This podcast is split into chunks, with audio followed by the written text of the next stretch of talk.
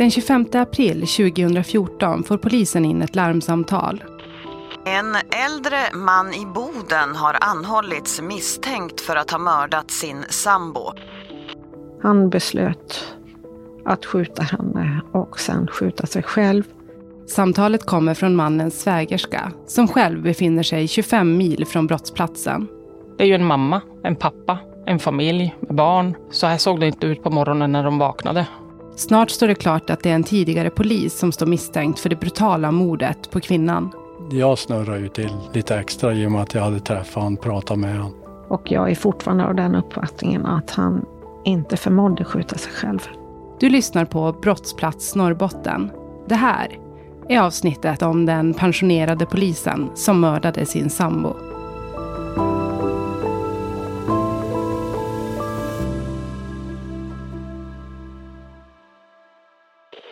Ja, här är P4 Norrbotten med lokala nyheter. God morgon. En äldre man i Boden har anhållits misstänkt för att ha mördat sin sambo. Det var strax före klockan 17 igår eftermiddag som polisen fick larm om att en kvinna kunde ha utsatts för våld eller dödats. Polisen vill inte säga mycket om fallet och hänvisar till förundersökningssekretessen.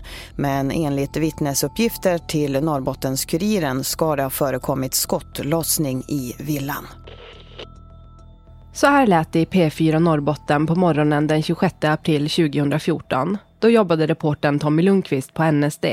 Han hade redan hört talas om händelsen. Vi fick ju då reda på att ett eh, grovt brott hade hänt strax utanför Boden.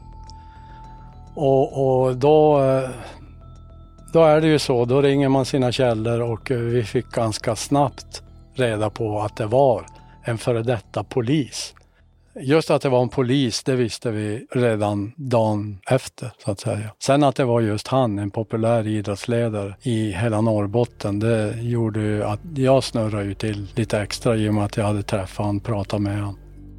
Det visar sig också att mannen är en känd profil inom föreningslivet i Boden som under många år varit engagerad i längdskidåkning och löpning. Han var dessutom, tror jag, grenledare när NSD hade sitt lilla VM i flera år. Så jag har pratat med honom. Jag ska inte säga att jag känner honom, men jag känner till honom. Vi hör den dåvarande kammaråklagaren Ulla-Karin Lindström som ledde mordutredningen. Det här uppdagades ju genom att den här mannen på eftermiddagen den 25 april 2014 ringer till sin bror och svägerska och berättar att han skjutit sin, sin, sin fru eller sambo och att han ska skjuta sig själv.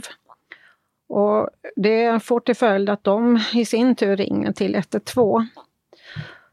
Och det ger då att polisen, vilket får till följd att polisen gör ett ingripande på, eh, på platsen där mannen och hans fru eller sambo bor. Polisen åker till parets adress strax utanför Boden. Det är en enplansvilla med ljus träfasad. På den asfalterade uppfarten utanför står en bil parkerad. Trots att polisen har brutit upp ytterdörren visar mannen ingen reaktion på att polisen kommer in i huset. Och de påträffar då mannen sittandes på en stol i hallen eh, och har då eh, en flaska jämte sig. Och de hittar kvinnan död i sovrummet. Hon ligger på sidan och eh, under täcke och hon har skador. Eh, ett, ett kulgevär, ett vapen, hittas då i sovrummet och mannen grips och förs, förs till polisstationen i Luleå. 20 i 11 samma kväll hålls ett inledande förhör med mannen. Och innan eh, mannen då eh, delges misstanke om brottet så Eh, ett så kallat 24-8-förhör då, så fäller han yttranden av innebörd av, eh, av att han har skjutit kvinnan och att hon skjutits. Eh, jourhavande FU-ledare delger honom misstanke om mord men avbryter förhöret och försvarare. Det är så pass sent på kvällen och försvarar inte närvarande. Eh, och det är sånt allvarligt brott så att det bör vara en försvarare närvarande vid, eh, vid det här förhöret. Då. Mannen anhålls misstänkt för mord och får genomgå en så kallad kroppsbesiktning. Ett blodprov visar då att mannen har en alkoholkoncentration på 3,22 promille i blodet. Det märks inte på honom då, utan han, han kan ju gå själv och han kan tala och det, det, det säger ju en del om, om hans problematik som det, som det visar sig då. Kriminalteknikern Sofie Lundgren kom till platsen vid halv tio-tiden samma kväll. Alltså det är ju ett, ett hem. Precis som alla vi andra har. Ett hem som vi kommer till. Eh, ett liv som är dagstidningar, disk, mat, eh, livet eh, som pågår. Och när vi kommer dit så är ju givetvis ingen kvar. Så allt är ju lämnat precis där och då efter det som hände. Så vi kommer ju in eh, och ska bara ta in all information som vi ser. Eh, och givetvis dokumenterar vi ju allt runt omkring innan vi kommer till platsen så att inte vi rullar in och springer in med våra och förstör spår. Utan vi måste ju sakta men säkert ta oss framåt mot kroppen och det är ju i alla fall. Tidigare under kvällen har polisens insatsstyrka hittat kvinnan död i sovrummet. Hon låg då i en till synes naturlig sovställning, men polisen konstaterade en 10 cm lång skada i sidan av huvudet och på golvet nedanför en pöl av blod.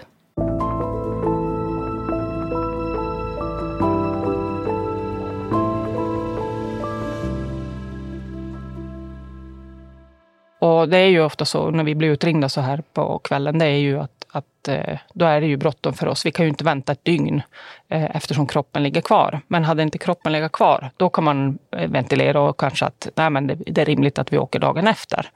Eh, eftersom inte kroppen är kvar. Men nu är ju kroppen kvar och då blir det ju att vi måste åka ut. Att undersöka en brottsplats och hantera döda kroppar är en speciell arbetsuppgift. Sofie Lundgren har hittat sitt sätt att göra det på. Jag brukar hantera, jag pratar. Jag pratar med dem och säger vad jag gör. Och, eh, och det är lättare för mig eh, för att det inte ska bli... Det är ju mitt jobb eh, och någon måste göra det. Eh, och jag ser det som en... Eh, på ett, sätt, ett, ett fint sätt att, att det blev ett avslut så här och vi kan avsluta det och göra så bra som möjligt. Så jag pratar ju mycket om nu tar jag bort din jacka och nu flyttar jag på dig och jag lyfter på dig och nu ska jag lyfta din arm. Och, så på så sätt hanterar jag eh, döden. Den misstänkte mannen häktas och i förhör uppger han att han inte minns vad som hände i huset mellan den 24 och 25 april. Men efter nästan två månader begär mannen själv ett nytt förhör. Då har hans minnesbilder klarnat. Vi hör åklagaren Ulla-Karin Lindström igen. Först efter att ha fått del av utredningen i juni så begär han då att få bli hörd igen av polisen. Och han uppger sig då ha återfått en del minnesbilder, bland annat av vapenvården och att, det är då, eh, att han har gjort vapenvård och att han då har eh, lyckats, eller att det är en olyckshändelse, ett, ett vårdaskott helt enkelt. Att det, vapnet har gått av. Det blev också den linje som mannens advokat, Lars Grönberg, sen drev vi hör Tommy Lundqvist igen. Lars Grönberg då, den här mannens försvarare, han hävdar ju ganska långt att det skulle handla om ett vådaskott. För att ingångshålet och utgångshålet stämde inte överens med en, ett klart skott så att säga. Lars Grönberg ville ju ha en, en ballistisk undersökning med den där kulan, hur den hade gått. Och, och då menar Grönberg att han har inte siktat utan eh, det här skottet har bara gått av. Men åklagaren Ulla-Karin Lindström köper inte förklaringen. Men då kunde vi av brottsplatsundersökningen och då undersökningen av, av kvinnan här då hur skottet hade, eh, var det, han, skytten måste ha stått när han eh, avfyrade vapnet här då. Det visar ju att han stod på nära håll. Genom en rekonstruktion kunde åklagaren i samband med rättegången visa på kulbanan och därmed också skyttens sannolika position i sovrummet. Kriminalteknikern Sofie Lundgren beskriver hur rekonstruktionen gick till. Vi hittade ju en, en kula eh, i madrassen eh, och eh, givetvis ingångshål, utgångshål. Eh, och då kan man ju en tilltänkt kulbana hur kulan kan ha gått. Och då drar man ju en linje, för en kula går ju rakt. om den inte har stött till i någonting. Eh, och då blir det en tänkt kulbana och efter den kan man ju sätta då vapnet. Och det visar ju att han eh, stod på ganska nära håll och avfyrade det här vid, eh, vid garderoberna då som var eh, vid sänggaveln. Så att hans uppgifter, vi kunde ju motbevisa hans uppgifter på det sättet. Han har ställt sig och siktat ner mot, mot kvinnan där hon ligger i sängen. Det var eh, en stark reaktion jag fick. För att jag kunde inte tänka mig att han, är du polis med den utbildningen man har och de, den erfarenheten han har via sitt jobb, så är det ju märkligt. Han, om någon, borde ju veta att man får inte göra så här. Man får inte skjuta ihjäl sin sambo som ligger i sängen. I familjen fanns flera vuxna barn som flyttat till södra Sverige. De var med vid rättegången. Jag hade kontakt med en av sönerna som eh, reagerade dels för att vi skrev om det här men när vi fick förklara för honom att vi kan ju inte strunta i att skriva om det här bara för att eh, den här mannen var den han var i Boden så att säga och att han var polis. Och efter några veckor så förstod väl även han att det där. Men eh, dessutom så är det ju, det drabbar ju familjen oerhört hårt. Och, och, i det här fallet så, så de förlorade ju faktiskt sin mamma. Och eh, pappan skulle ju då vara borta ett längre tag. Så, eh, och de fick, kunde ju inte ställa frågor till pappan under den här tiden heller. Så de fick ju inga svar. Åklagaren Ulla-Karin Lindström minns att mordet väckte mycket känslor. Jag, jag för mig i alla fall att, att, att människor som kände honom i alla fall och, och kände till honom blev bedrövade över här, den här händelsen. De pratade säkerligen om det liksom på den polisstationen där han hade varit eh, verksam en gång i tiden. Och det är klart att många eh, var väl undrade hur det, hur, kunde, hur det kunde bli så här. Kriminalteknikern Sofie Lundgren var också med på rättegången. Hon beskriver att hon i sin yrkesutövning är väldigt fokuserad på det hon ska göra. Det som kommer sen, när man har gjort jobbet, man sätter sig ner och andas och när, när verkligheten kommer ikapp så blir det ju att det är ju, det är ju en mamma, en pappa, en familj med barn. Eh, så här såg det inte ut på morgonen när de vaknade. Eh, och nu blev det så här. Så livet är väldigt skört. Det finns en särskild bild från rättegången som etsat sig fast i Tommy Lundqvists minne. Jag kommer framför allt ihåg från rättegången, vilket Ulla-Karin Lindström, eh, åklagaren, ofta gör. Hon gick, när alla aktörer satt på plats, domstolen på sitt ställe, mm, åklagaren på sitt, då går hon fram till den tilltalade och tar honom i handen och presenterar sig. Det här mötet fångades på bild av pressfotograferna. Vid den här tiden så fick, vi, fick fotograferna chans att eh, fotografera in i salen. Så vi har ju, och vi publicerar ju det, både NSD och Kuriren, eh, foto just när åklagaren Ulla-Karin går fram och tar honom i hand. Som jag tycker det var väldigt fint gjort för att de som sitter på den där sidan i tingsrätten, de har det inte lätt. Vid tiden för mordet led kvinnan av en allvarlig sjukdom. För åklagaren Ulla-Karin Lindström blev det därför viktigt att bevisa att det var skottet som orsakat kvinnans död och inte sjukdomen. 2013 så hade hon diagnostiserats med en allvarlig sjukdom som hon höll på att Eh, jag kan inte säga att hon höll på att återhämta sig, men att hon, att hon mådde bättre vid det här tillfället i alla fall. Och då gällde det också att eh, få fram, eh, eller utesluta, att dödsorsaken är en annan än, än att hon har blivit avlidit genom skottskadan här då. Det förekom dock spekulationer om varför mannen skjutit kvinnan. Nu finns det ju en teori om att det kan vara ett barmhärtighetsmord, men hon hade väl fått reda på att hon kunde möjligtvis leva med den här cancern i sex månader upp till ett år. Men eh, om hur de har pratat eh, om det här, det vet vi inte idag. Men det spelar egentligen ingen roll. Man får ändå inte göra så här.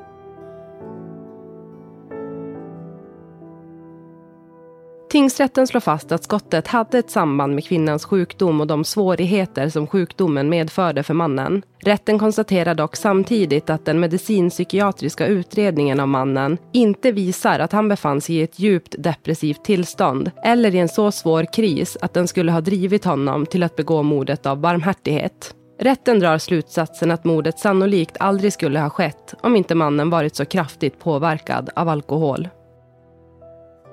Luleå tingsrätt dömde den 77-årige mannen till 10 års fängelse för mord. Det som sticker ut är att det är en polis, före detta polis, som har gjort det här. Men åklagaren Ulla-Karin Lindström lägger ingen vikt vid mannens yrke. Det, det, spelar ingen roll vilken bakgrund du än har, vilken utbildning du än har, var du än är så kan alla bli, hamna i, i situationer som de inte kan hantera och det kan gå överstyr. Så det, man kan inte säga att vi är förskonade på något sätt bara för att vi, är, vi har någon viss utbildning eller visst yrke eller någonting sånt där, utan det, det kan drabba alla. Domen överklagades till hovrätten som fastställde straffet med hänvisning till mannens höga ålder. Eh, men han dömdes till tio år och då får du dra av en tredjedel plus häktningstiden du har suttit.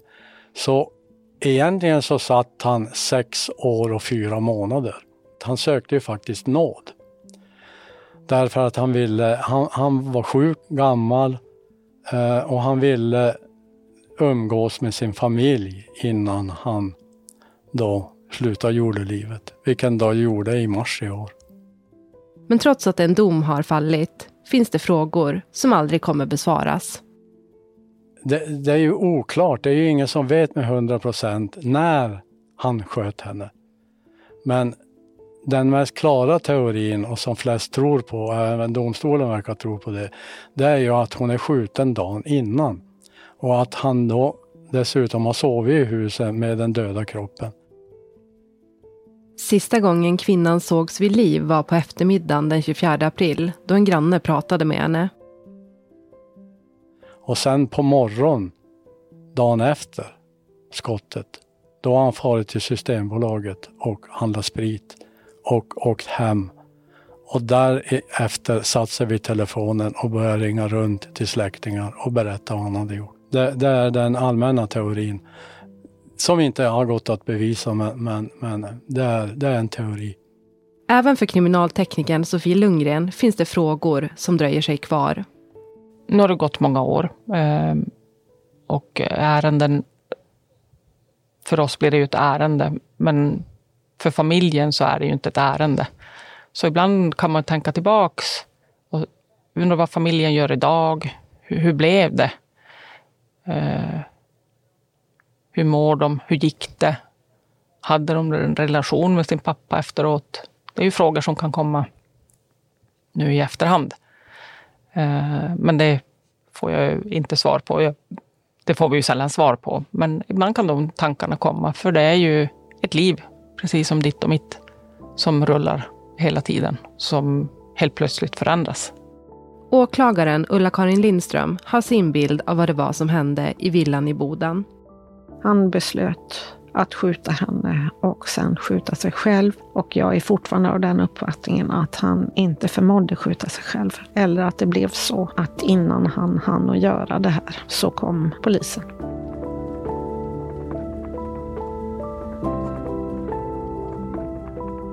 Du har hört Brottsplats Norrbotten, en produktion av NSD, Kuriren och PT med mig, Frida Enberg.